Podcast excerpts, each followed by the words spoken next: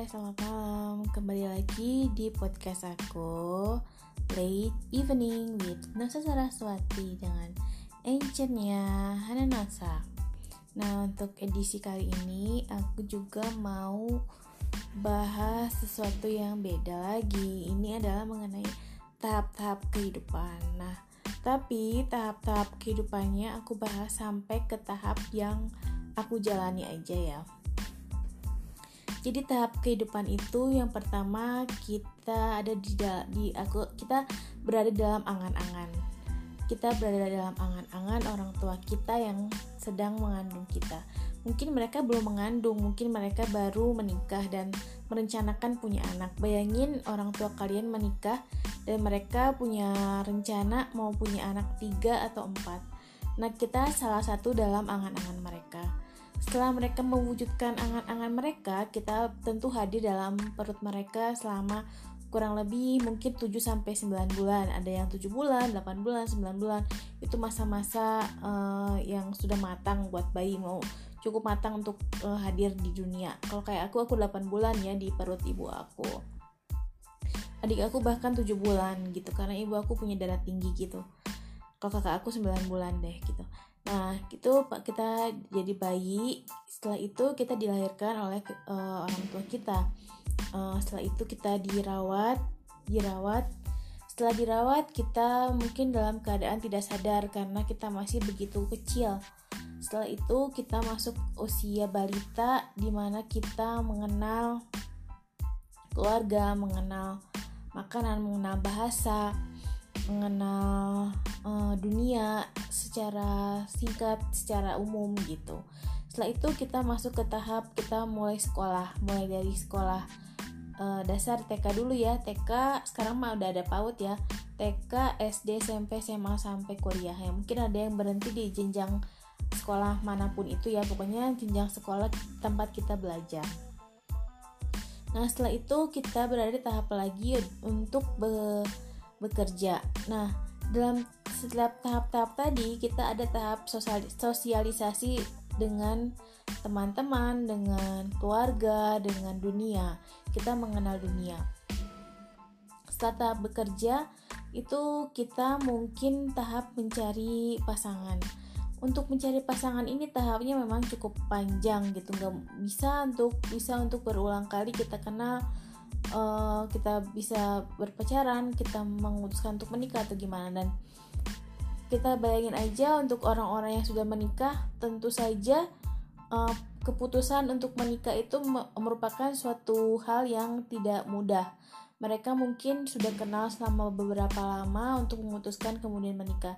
Dan untuk e, menikah pun juga diperlukan kesiapan dari kedua belah pihak baik itu materi, mental ataupun situasi yang lainnya. Misalnya uh, apa kecocokan antara kedua belah pihak keluarga.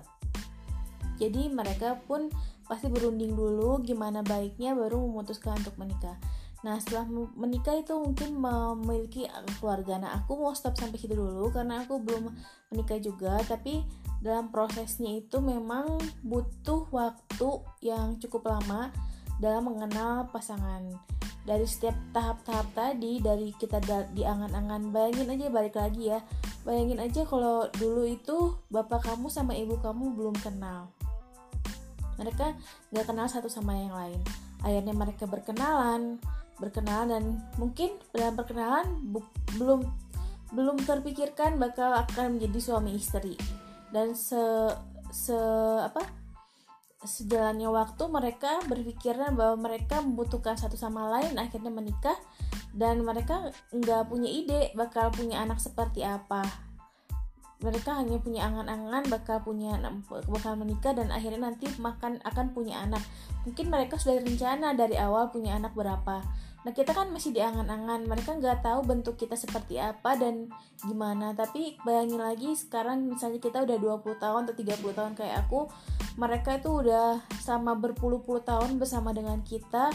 Yang tadinya cuma mereka berdoa sama Tuhan Tuhan tiap kali mereka uh, mewujudkan kita Dan saat kita di, di dalam perut e, orang tua mereka begitu senang begitu bangga bahagia mengabarkan ke orang-orang gitu.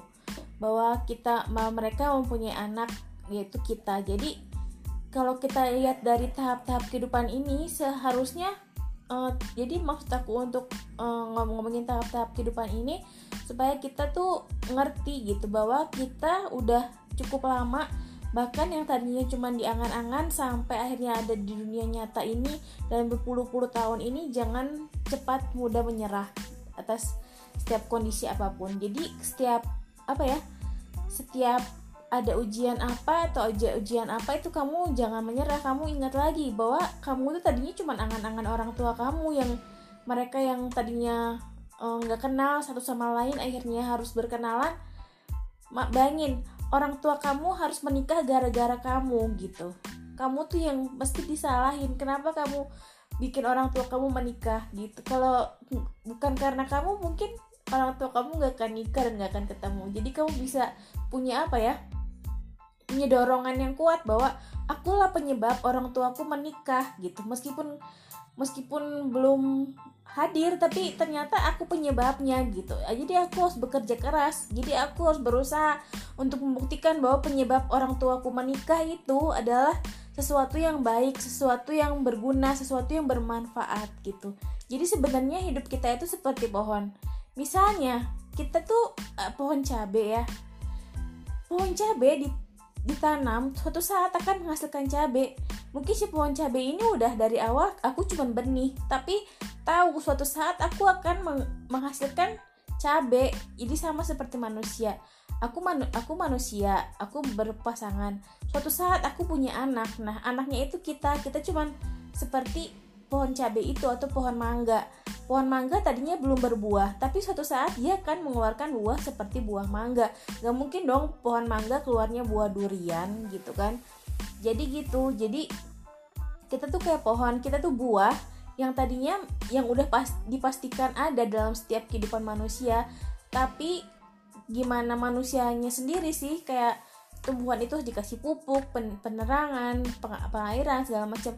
Gimana keluarga kita memupuk kita menjadi manusia yang baik dan baik terus. Jadi kita punya apa ya dorongan kuat bahwa kita harus hidup dengan baik gitu sama orang lain sehingga tidak mengecewakan orang lain tidak membuat orang lain rugi gitu jadi itulah tahap-tahap mengenal kehidupan kita tahap-tahap itu dan perlu ditanamkan bahwa kamu harus percaya bahwa kamu adalah penyebab orang tua kamu menikah gitu bahwa angan-angan mereka yang membawa mereka menikah dan kamulah sebabnya. Jadi kamu harus berusaha terus untuk meyakinkan orang tua kamu, meyakinkan semua orang bahwa kamu tuh berharga dan kamu tuh layak dipertahankan.